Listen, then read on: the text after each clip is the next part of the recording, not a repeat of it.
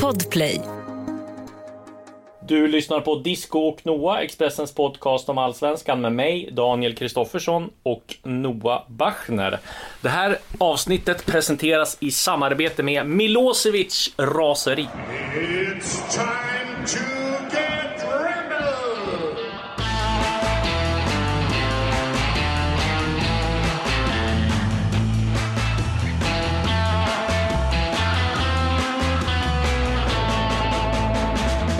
Vad var han arg på nu då? Ja, precis. Du undrar säkert vad han var arg på, men det var ju efter derbyt. Eh, som AIK bekant vann med 2-0. Eh, ingen vidare bra match, tyckte jag i alla fall. Eh, Hammarby extremt bleka framåt. AIK hyfsat stabila bakåt. Så kom han ut i mixade zonen till eh, Per Boman och Annel, eh, Annel, vår kollega som stod och skulle intervjua honom. Och jag och eh, Per Boman hade satt betyg på, på spelarna efteråt. Och vi satt en trea på Milosevic. Jag skrev att han var väldigt eh, han var stabil och säker, spelade på rutin. Eh, men anledningen till att han inte fick någon fyra, det var ju för att det var inte speciellt en bra match. Han var ju kanske en av de eh, matchens eh, liksom, stabilaste spelare. Men det var liksom inte så här att han var så här wow, nu stoppade han, tog han ner Ludvigsson och Selmani hur enkelt som helst, utan det var ju mer att Hammarby var ganska dåligt så det krävdes inte en så bra prestation för att vara så bra. Men det går väl kanske att diskutera att han skulle ha haft en fyra då, kanske, men nej, jag tyckte jag har sett han eh, mycket bättre än sådär. Eh, och då kom han ut och så eh, satt jag i soffan och skrev och så var de där och så sa han typ, hur är Ja, vi kan få lyssna här förresten. Eh, lyssna här på hur, vad han sa. Was it because of the that the central defenders are a little bit slow? Yeah, yeah. Also, and we saw in the uh, in the in the last game that they in the last two games that they they have a lot of space in behind. Ja, men det var väl ingen... Men det var väl ingen... Va? Det var ingen, det var ingen. Ja, precis. Och då skällde han ut, eh, ja, Per Boman var det som fick ta, du hör ju han försöker förklara det, fick ta den största smällen då. Och sen kom jag och ställde mig där, och sa han, "Ja, du är inte helt oskyldig du heller, sa han. Eh, halvt på skämt, halvt på allvar, för jag hade också satt en trea. Men vi kan väl konstatera att eh, för en gångs skull var man Att han läser betygen. ganska fort efteråt. Och att för en gångs skull så var man ju överens med Sportbladet också om någonting. en trea precis, på Milosevic. Eh, Eh, Men visst är det så att Milosevic har en historia av att reagera på betyg? Nej, nej, nej, utan eh, nej, det tror jag inte han har. Däremot så Daniel Sundgren blev ju vansinnig när han fick, det var, då var det inte jag som satt betygen tror jag, Eh, men han fick en trea för något år sedan här. Eh, det när han skulle bojkotta Expressen. Men det redde vi ut ganska fort. Så att, ja men betygen där. Ja. Jag har berättat en gång tidigare också när, när det här var ju på den tiden, nej det var 2010. Eh, när man, då satte vi betyg efter all, alla, alla allsvenska matcher. Och eh, då satt, det var AIK hade en bortamatch tror jag, satt en etta på Flavio. Eh, och så åkte vi flyget hem och jag hamnade i sätet bredvid eh, typ han och eh, Charlie Mian som, som då var lagledare och även tolk åt Flavio. Och när han läste betygen så så eh, ja, stelnade han till och kollade konstigt på mig och sen eh, så knackade Charlie Mian på mig och sa du Flavio undrar varför han fick en etta. Jag bara ja, eh, ja men jag tyckte det står väl där motiveringen. Jag tyckte väl att han inte var Nej, och så bara sa någonting på portugisiska lite argt och så, kom Charlie tillbaka. Ja, men du måste väl se lite grann. Du också hur mycket han löpte utan boll. Så fick man stå till svars. fick man stå till svars för betyget direkt liksom. Så att ja, så kan det vara. betyget. Eh, till Allsvenskan och lördag. Vi, har ju, vi gör det till vår vana här att gå i kronologisk ordning efter dagarna. Eh, häcken förlorade hemma mot Sirius med 2-1. Och herregud vilken start det är för Häcken nu. Ja, tre raka torsk. Och här, ja, det kan man lugnt säga. Det hade man ju absolut inte trott. Och nu var ju ändå Martin Olsson tillbaka, så de har ju liksom en av allsvenskans namnkunnigaste backlinjer i alla fall. Eh, men absolut inte den mest stabila. Och, och jag såg på den där matchen faktiskt och jag vet inte. Eh, Andreas Alm eh, upprepade som ett mantra att de är, vi har aldrig haft så mycket spets i år, men vi har aldrig varit så sårbara. Jag vet inte om det eh, känns som lite ett, ett kryss två, men han menar väl att de har väldigt bra, ska väldigt, spela väldigt bra offensivt och har väldigt bra spets, men att de, ja, i och med att de spelar så offensivt kan vara liksom släppa in en del mål och det har de ju gjort får man ju säga. Eh, och nej, framförallt tycker jag det är mittfältet inte som fungerar det här länken mellan själva anfallet och, och defensiven. Jag tycker de har varit ganska svaga där. Eh, och nej, att de läcker sådär, det är inte ofta eh, man har ju, vi har ju förr har vi, man har liksom, du, du har väl hånat mig en gång när jag sagt att Häcken har varit dåligt försvar fast de har haft liksom släppt in ganska få mål. Men nu får man säga ändå att den här säsongen De så... hade väl allsvenskans bästa försvar förra året, så att det var ju, alltså de släppte väl in minst mål av alla lag. Så, så det, var, det, var, det kanske handlade om det. Exakt, och det var där vi menar att det har liksom varit en myt att Häcken är dålig bakåt. Men eh, nu får man Ja. säga att det har varit svängdörrar. Och eh, ja, tre Ja, raka varit- torsk. Det är klart, då, ny sportchef för Häcken också. Det är klart att det kommer ställas en del frågor här. Framförallt när de, eftersom de har Hammarby nästa match. Men samtidigt får man man ju ge att- tvärtom också säga att Sirius har varit ju grymt bra. Jag hade aldrig trott den här utvecklingen på dem.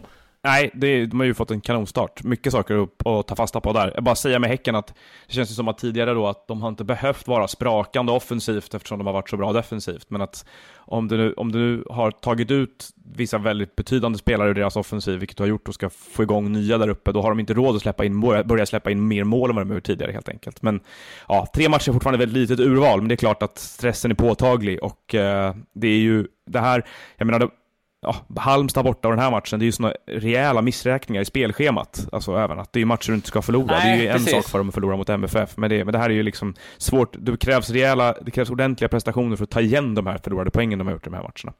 Ehm, men Sirius, eh, Kouakou gör eh, ena målet och eh, Mathisen säger man va? Eh, den andra. Och Kouakou var ju den spelare som Daniel Bäckström, deras nya tränare, plockade ut som den han trodde skulle bli en stor överraskning för dem i år. Eh, han har ju fått rätt hittills då. Bål avgjorde mot Halmstad, gjorde ett av målen här. Bra mål här. Eh, men det är ju mer saker i det här laget som ser rätt spännande ut hittills. Eh, det är ju dels att de har ersatt både den flyktande Elias Andersson med Jakob Ortmark och Marcus Mathisen på mitten. Den som var bäst på mittfältet i den här matchen tyckte jag kanske var Netabay, eh, som låg bakom väldigt mycket. Han är otroligt kvick, otroligt farlig runt, eh, liksom när han kommer in i, i offensiv eh, tredjedel. Eh, Josef Colley, som ju, ja, man, kan väl, man får väl ändå säga att han är Hjalmar Ekdals ersättare. Han har fått Ja. en jättebra start på livet som allsvensk spelare. Mm. Ser jättebra ut. Eh, det är kul att en spelare som ändå var så framgångsrik på ungdoms, i ungdomslandslagen, när man väl får honom, se honom spela i, i skarp miljö, så att säga, att han är att han flyger. Och sen så har de ju ersatt eh, sin målvakt med David Mitov Nilsson då, som eh, får ju tyckas vara en uppgradering också. Ännu inte fått in Bjarnason i spel, som, som de väntar på.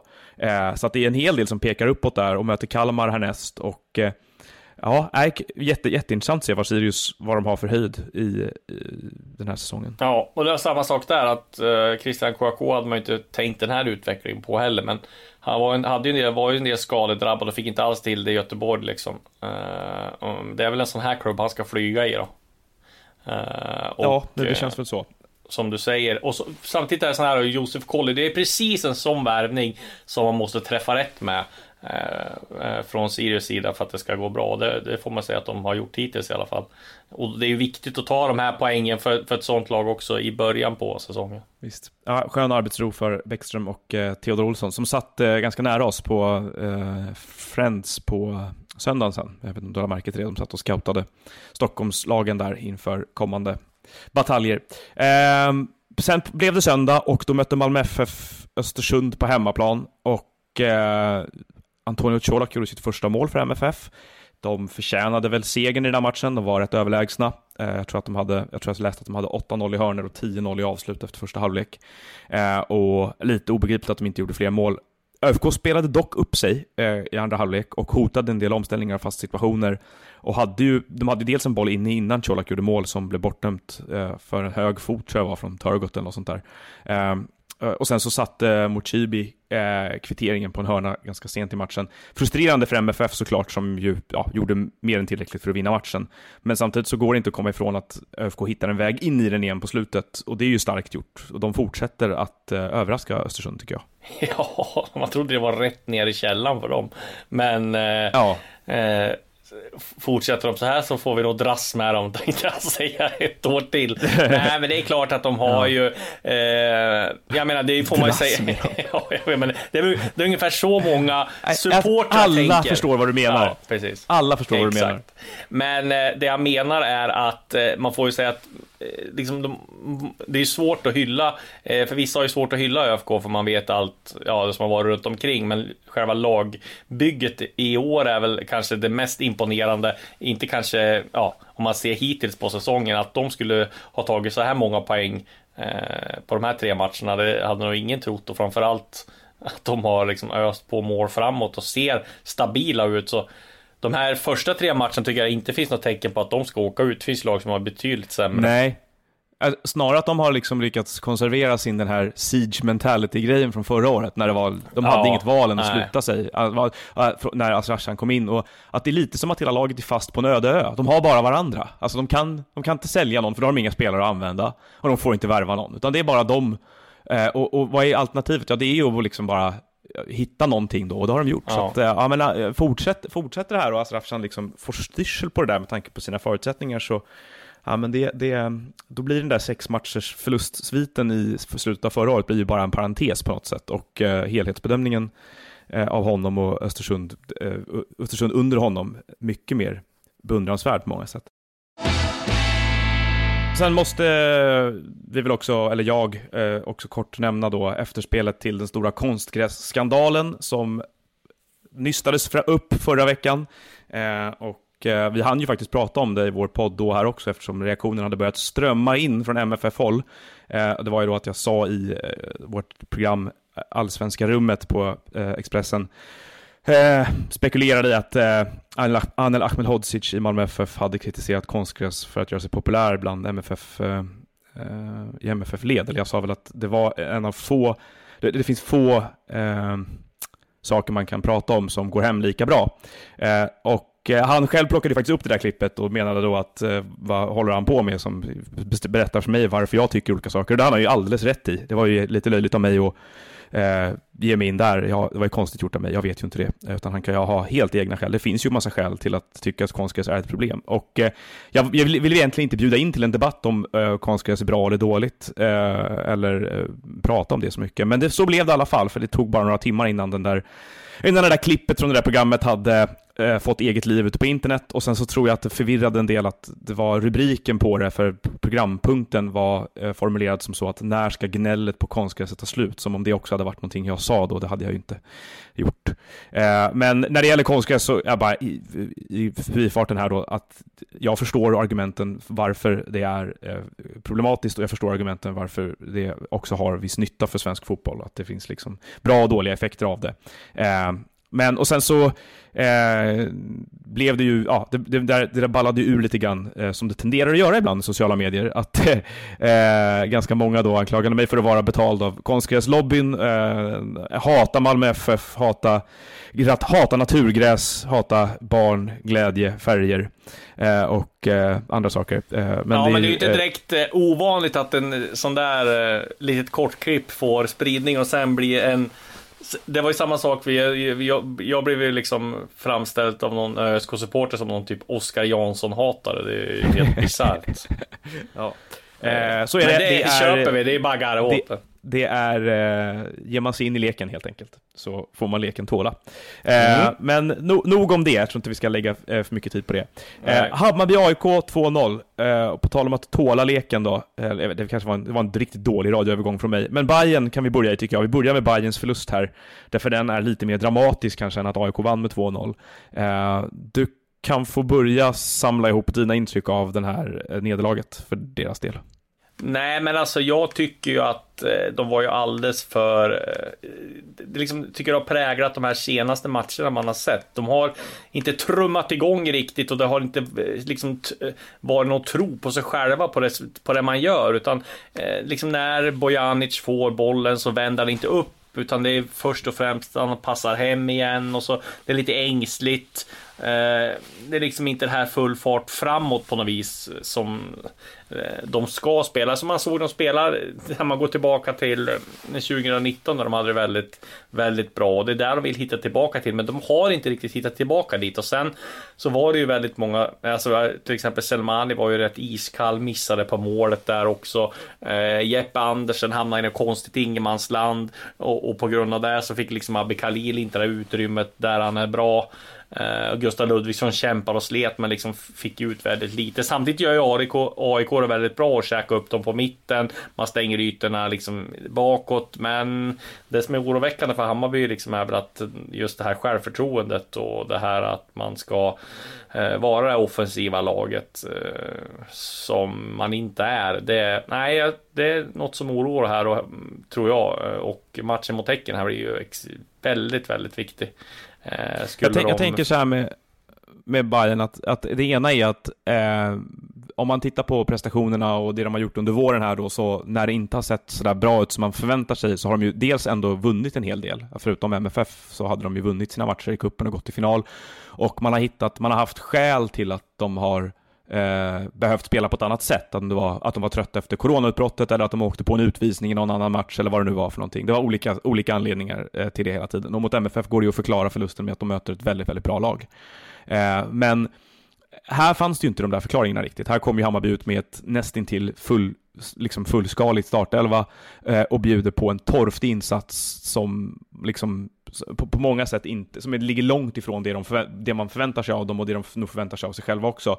Och jag, jag vet inte, det här Henok Goitom är ute och säger efter matchen, det är klart att det finns stora mått av att han vill trycka dit dem och strö salt i såren och provocera såklart när han pratar om att eh, Hammarby har gjort reklam för sig själva som sviniga och att AIK var ännu svinigare i den här matchen. Att han, ja, han, han är ju inne på, han är ju inne på, egentligen tror jag att han hänvisar till hur vi i media har framställt det nya Hammarby då här med Selmani och Ludvigsson och Amo som fronttrio, kanske ganska mycket, att vi har pratat ganska mycket om att eh, ja, att Selmani leder det där laget i någon eh, hysterisk press och nu ska ju göra ont att möta Hammarby och de är på, ett, på ena eller andra sättet. Men han, är också, han tangerar också eh, vid någonting som jag tycker är intressant med Hammarby och som kanske kan bli ganska avgörande för hur det här kommer gå nu och det är ju att Eh, det laget de hade tidigare här som var väldigt bra under framförallt säsongen 2019, det var ju då med framförallt offensiva spelare som eh, flöt mycket mer mellan linjerna, Tankovic och Kacaniklic och som kunde spela upp bollen, få bollen uppspelad,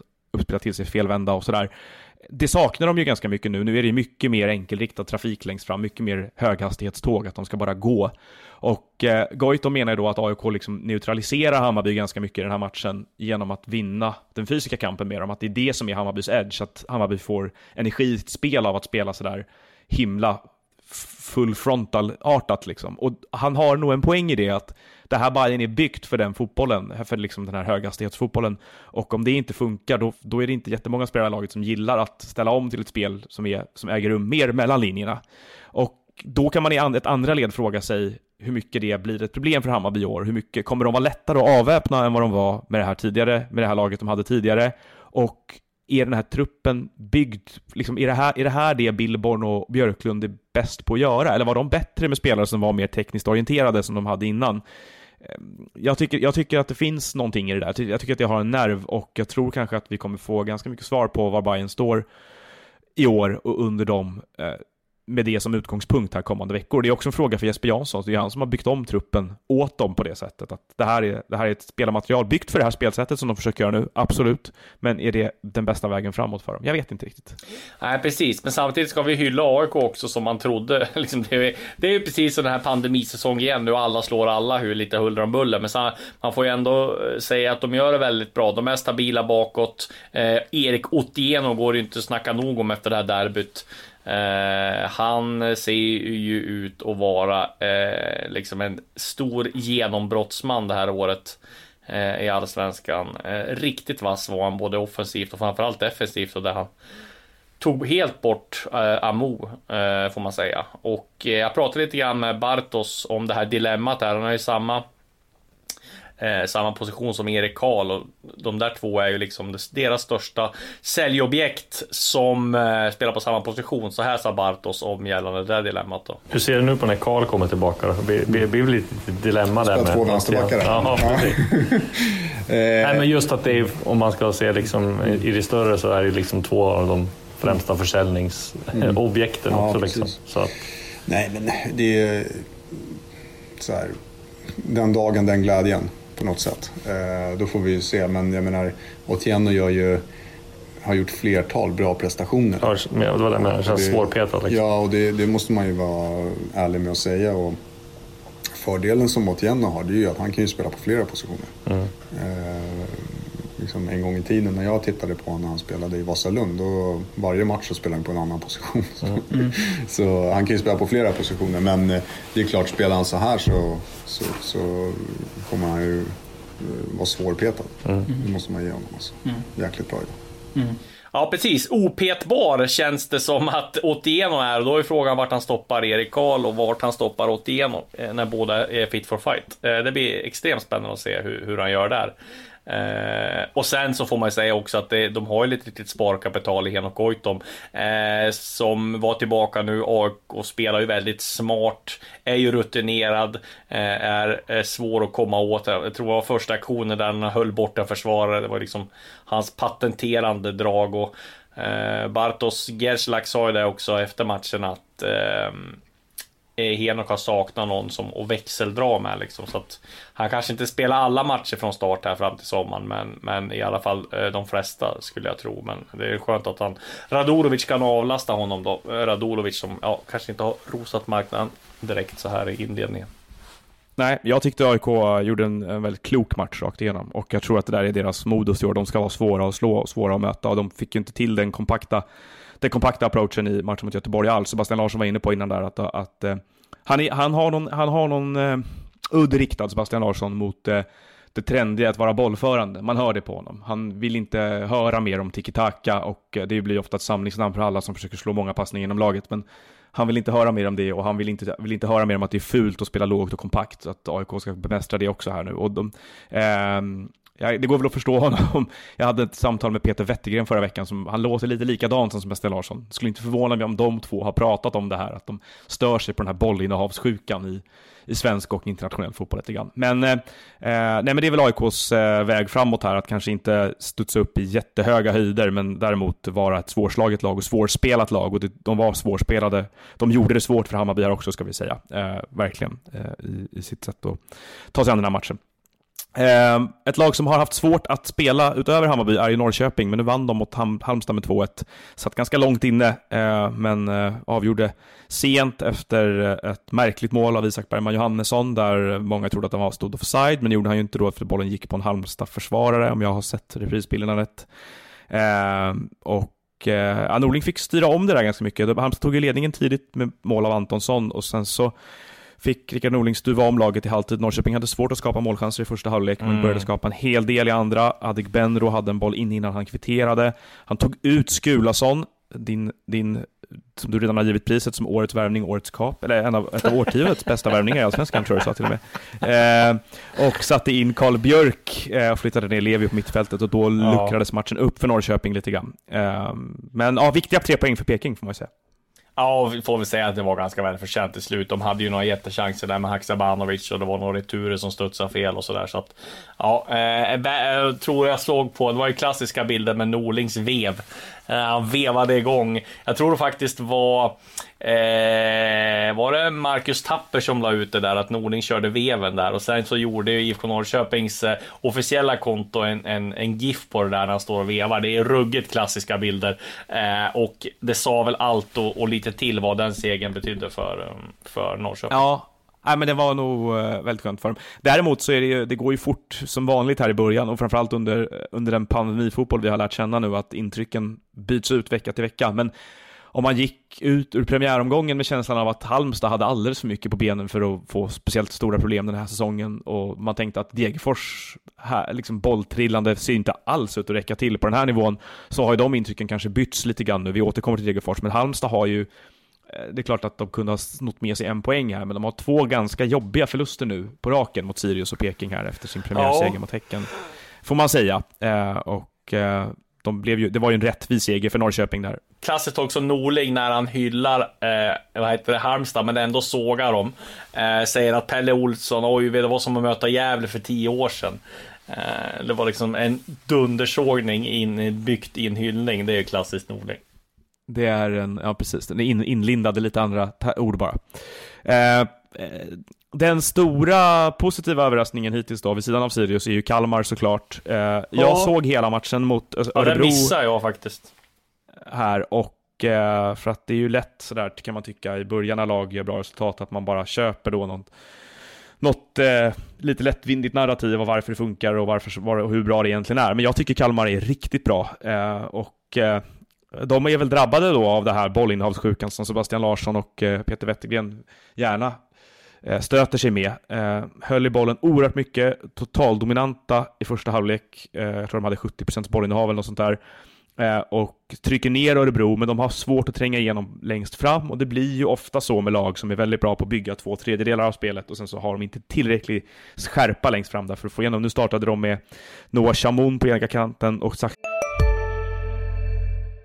Välkommen till Coolbet där spänningen aldrig tar slut och underhållningen står i centrum. Här får du inte bara Sveriges bästa fotbollsodds. Du får också en spelupplevelse som är rättvis, transparent och framförallt rolig. För oss handlar det om mer än bara spel. Det handlar om att ta en paus, att våga chansa och att kanske vinna stort. Det oväntade gör varje ögonblick unikt. För dig över 18 år, stödlinjen.se.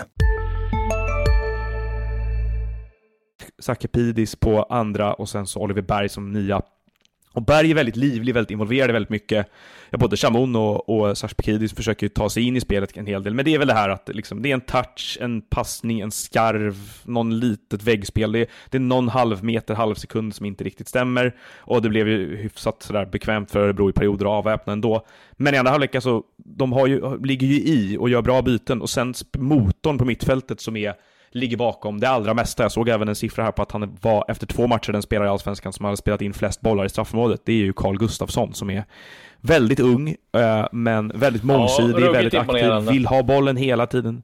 Vill ha bollen hela tiden, eh, driver Kalmars passningsspel väldigt mycket och eh, han, han gör insatser här. Jag tyckte matchen mot Örebro här så liksom han var ett två huvuden över nästan alla andra på planen i mycket av det han gjorde och eh, ska bli spännande att se var, var, hur hype tåget för Carl Gustafsson går den här säsongen då, med tanke på hur mycket han imponerat hittills och hur Kalmar spelar och hur bra det verkar passa honom. Jag minns att han gjorde debut för Kalmar borta mot AIK tror jag. Eh, Magnus Persson, Kalmar vann den matchen eh, med, med 2-1 vill jag minnas.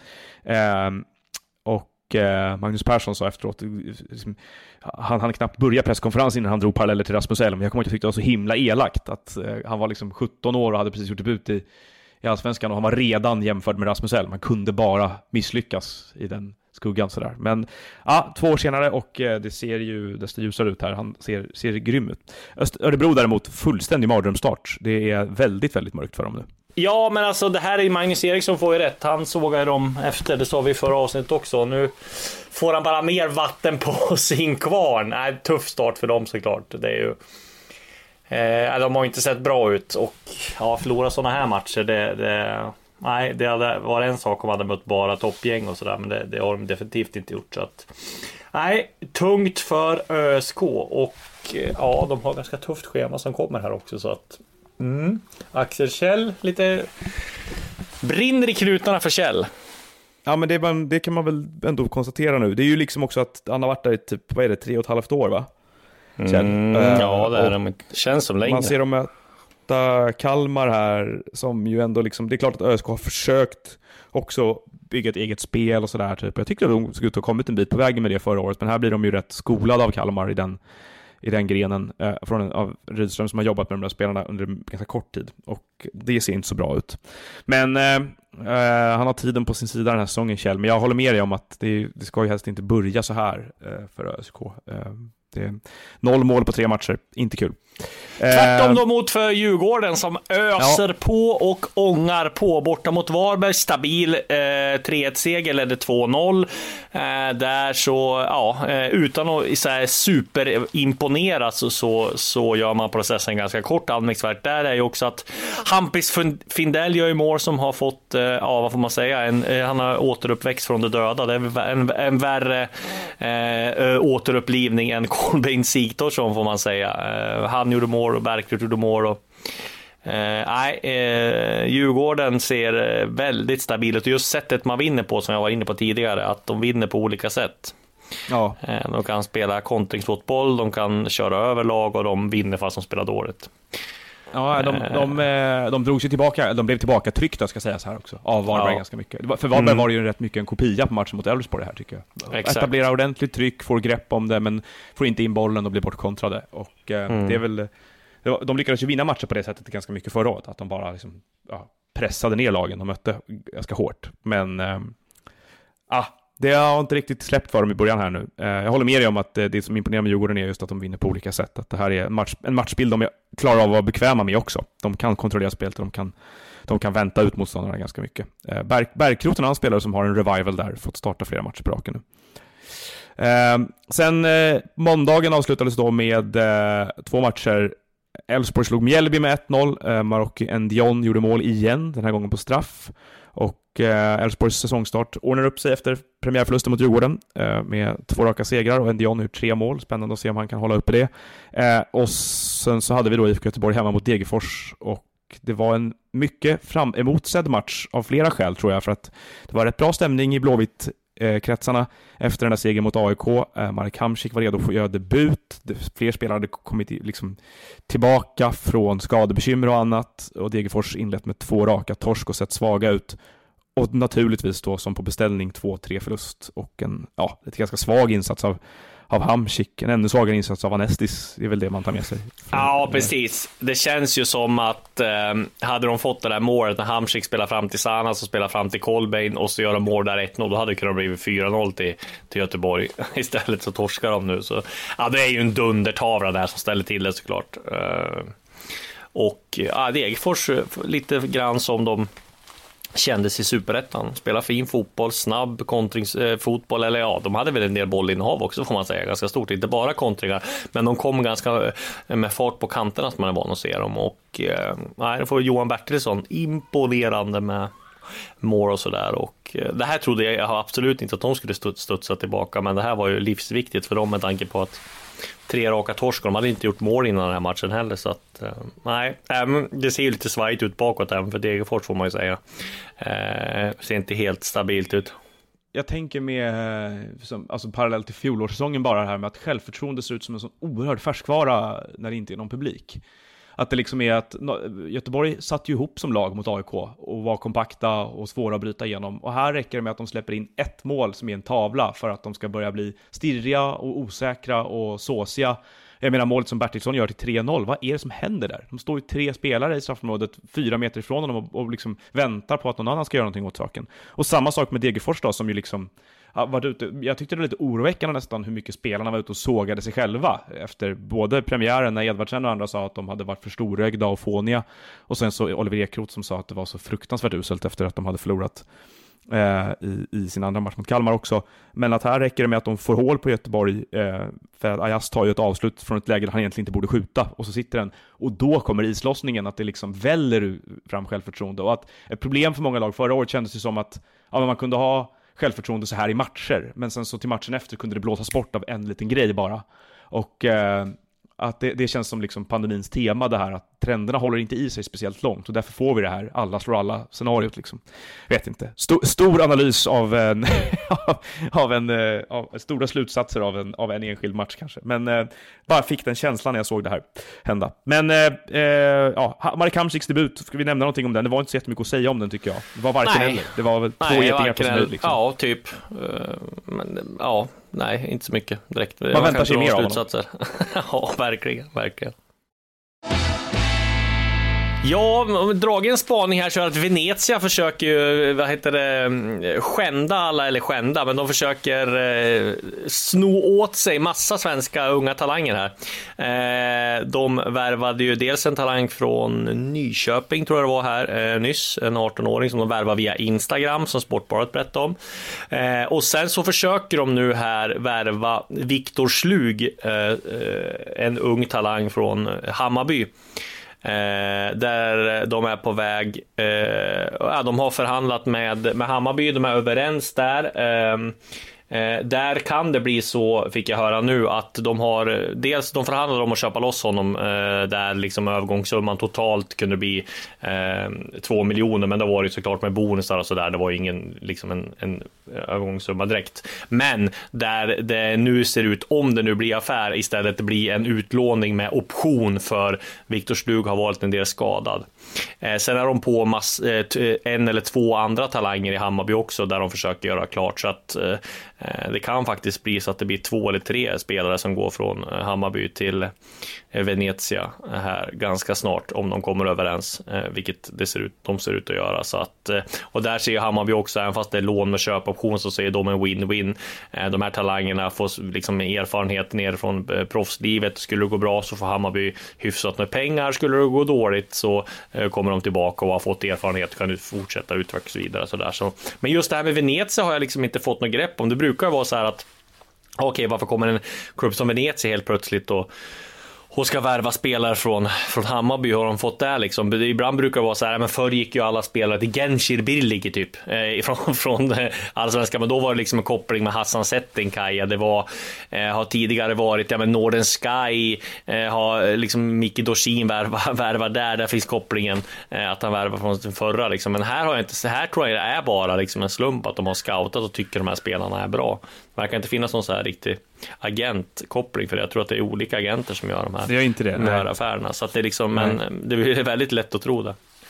Ja, det, det, det, det låter ju så när det dyker upp mm. där. Eh, vad har vi, vad har, Daniel Andersson har spelat i Venezia va? Uh, är det många fler ja, svenskar som har varit Ja, men Jocke Björklund va? Eller var det Piacenza? Eller Vicenza var det kanske? Ja. Nej, det var inte Jocke Björklund. Nej. Vi chansar vidare på vem det ja, kan ha varit. Precis. Eh. Och sen så kan vi berätta lite grann om Sveriges EM-planer också. De ska ju ha basecamp. De jobbar för basecamp på hemmaplan och där är ju framförallt, som jag fattar det som, då så har de en träningsmatch mot Finland hemma i Stockholm. Va? Då tror jag de kan ha ett, eh, stanna kvar i Stockholm och ladda upp här och sen åka till match, första matchen då, i Sevilla mot eh, Eh, Spanien. Eh, och sen så tror jag att det är Göteborg och Båstad. Framförallt är det väl Scandic, Sankt, eller Scandic, eller Sankt Jörgen hotell där damerna bort som de kan bo i Göteborg. Och sen är Båstad aktuellt också. Så att det blir nog västkusten där, eh, ett basecamp där och så kanske första då i Stockholm. Så det blir spännande. Verkligen. Eh, de, har, de är ju inte speciellt oroliga för den här utredningen som Uefa gör mot Zlatan Ibrahimovic då, om hans delägarskap Nej. i ett spelbolag. Han äh, säljer väl de där som, nu kanske? Ja, precis. Och så får han spela. Det verkar inte som att det är någon... Det, verkar, det låter inte på någon, som jag pratar med i alla fall, som att man väntar sig någon avstängning. Och dessutom är det ju ett ärende mellan, direkt mellan Uefa och Zlatan, så förbundet är inte speciellt involverade i det. Eh, Eh, Eh, vi hade ju en svensk, svensk koppling till ute i Europa som, där hände grejer. Det var ju Daniel Ek då, Spotify-grundaren, som deklarerade sitt intresse för att köpa Arsenal på Twitter och av erfarenhet av att hålla på en fotbollsklubb som har varit till salu i sju år så brukar eh, ögonblicket när någon deklarerar sitt intresse för att köpa den öppet vara dödsstöten för den personens möjlighet att köpa den. Eh, det är ju inte ett speciellt vanligt tillvägagångssätt att avisera först i sociala medier att jag ska göra en affär för flera miljarder här. Eh, framförallt inte för börsnoterade bolag kanske. Eh, så jag tror inte att Daniel Ek är på väg att köpa Arsenal. Däremot så var det ju time, vältajmat av honom eftersom det kom en liten nyhet om att Spotify aviserade en förväntad nedgång i nya, nya prenumerationer nu när ah, lockdown-boomen var över av eh, konsumtion av digitala medier. Så det var ju lite tillfälligt. Men sen kom det väl artikel idag igen, va? tyckte jag skymtade förbi, att det var seriöst, att, att, han för, för, att ett bud på klubben kan komma ganska snart.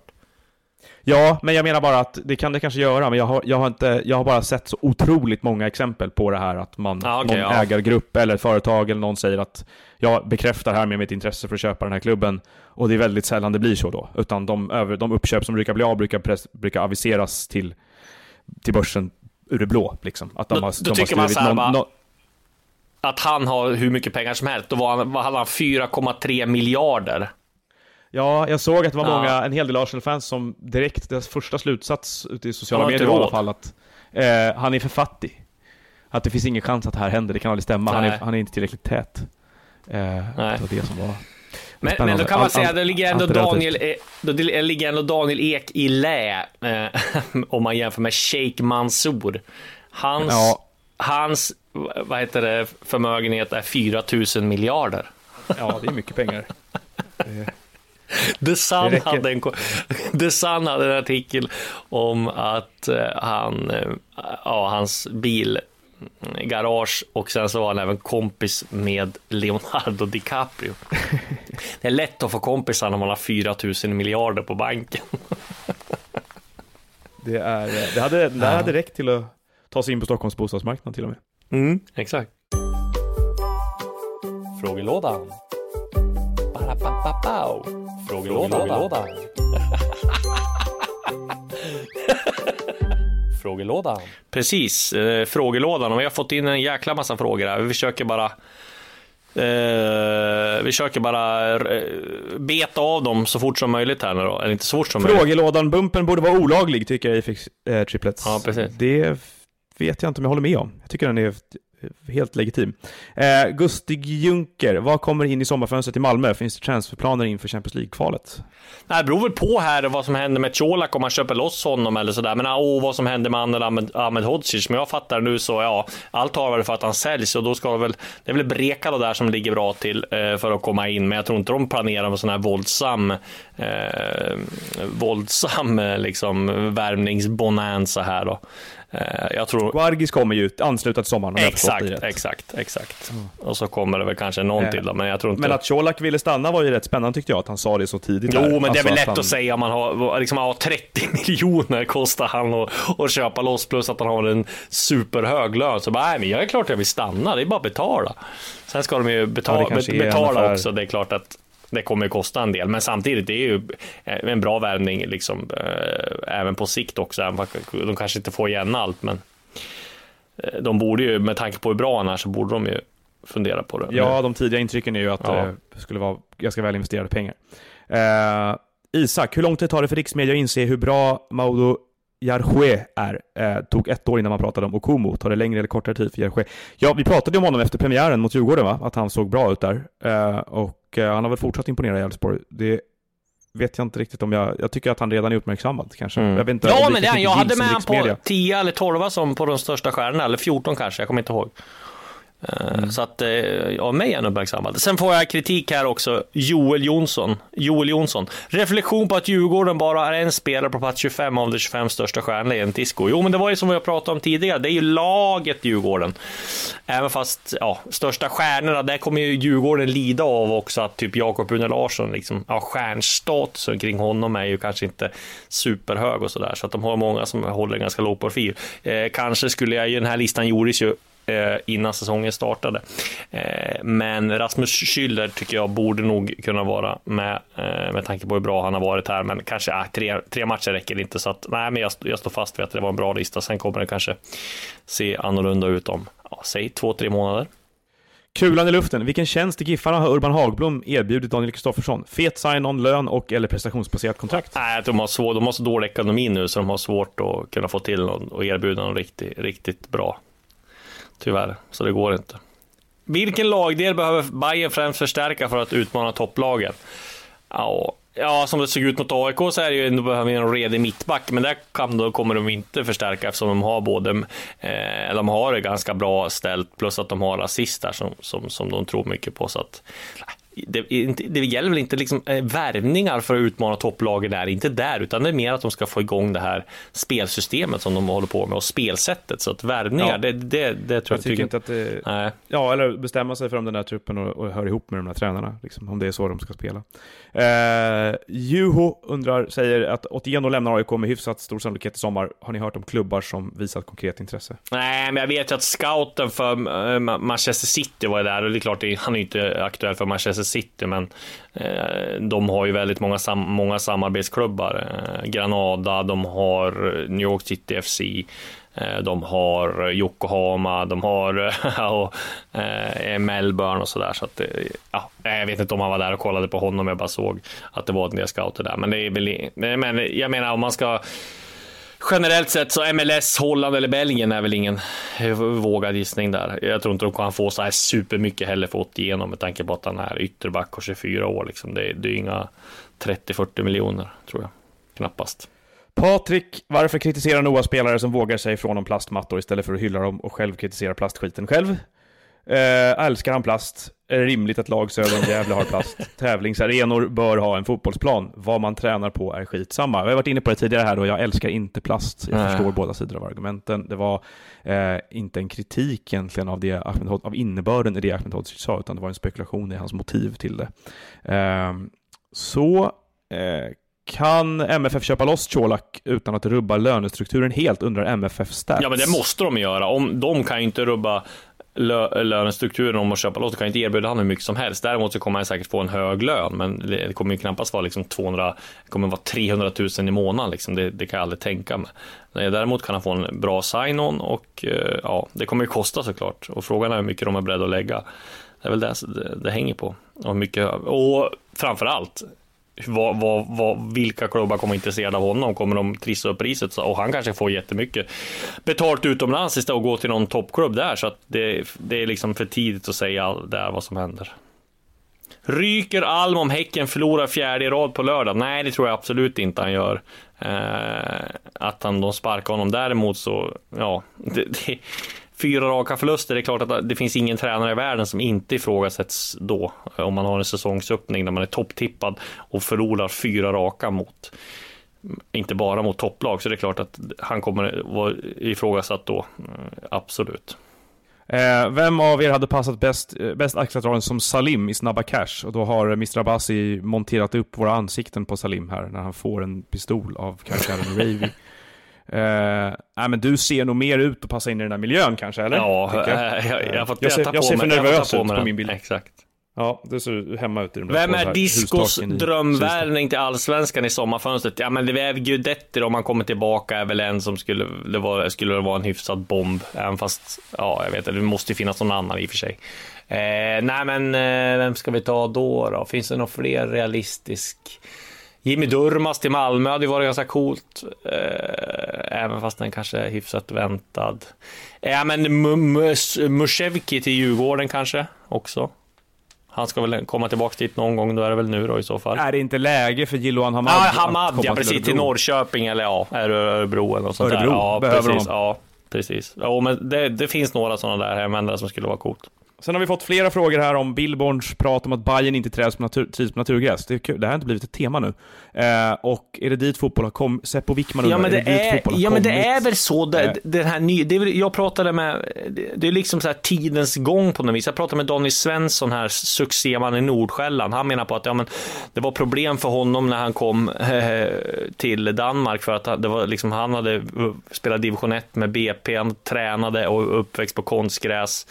Eh, där i Danmark spelar de en del i konstgräs, men en del bortamatcher på gräs. Liksom, så att, det, är klart att i en den bästa av världar så hade väl alla matcher spelats på gräs, men det går ju inte. Och den här, vi, vi pratar om den här konstgräsgenerationen, det är många spelare som bara är uppväxt på det. Liksom.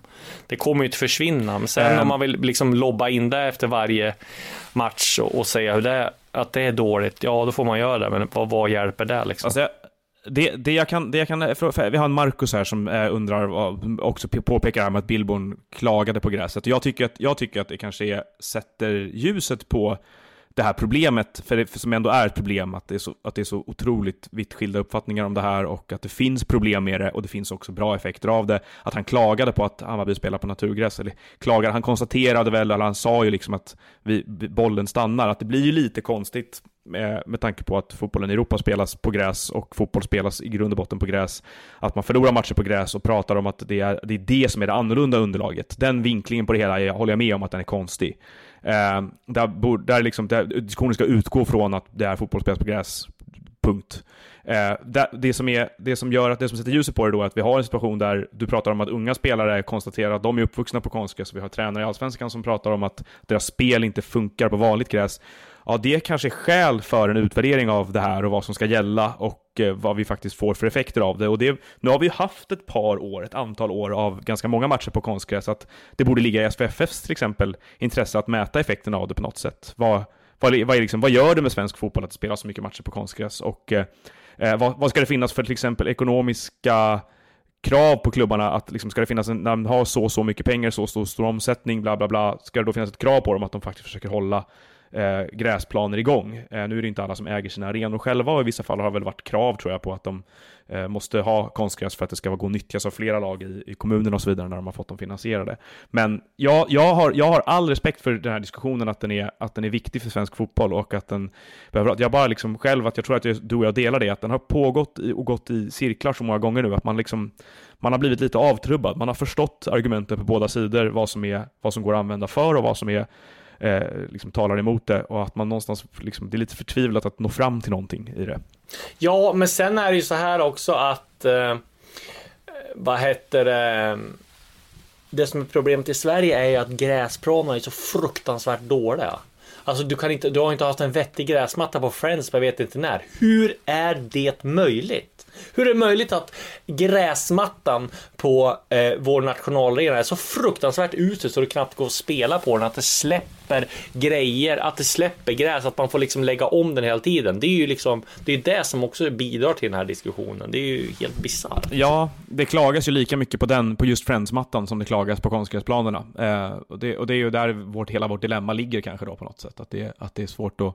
Men eh, man tänker väl att, jag vet inte, många hänvisar ofta till lägre divisioner i England och så vidare, att England, de har väl lite andra, lite, an, lite annat klimat än vad det är, men där är det också planskötare och pengarna som plöjs ner i att ta hand om planerna och sen en hel del hybridmattor tror jag.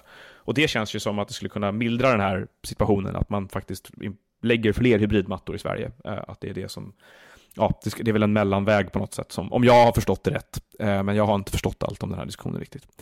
Nu har vi pratat om det eh, och är det något mer vi borde ta upp här? Jag tycker kanske inte det. Det vi ser fram emot att, extremt intressanta och spännande matcher kommande omgång. Vi har Djurgården, Malmö, Hammarby, Häcken. Och framförallt har vi Sirius, Kalmar. Exakt. Hej på er!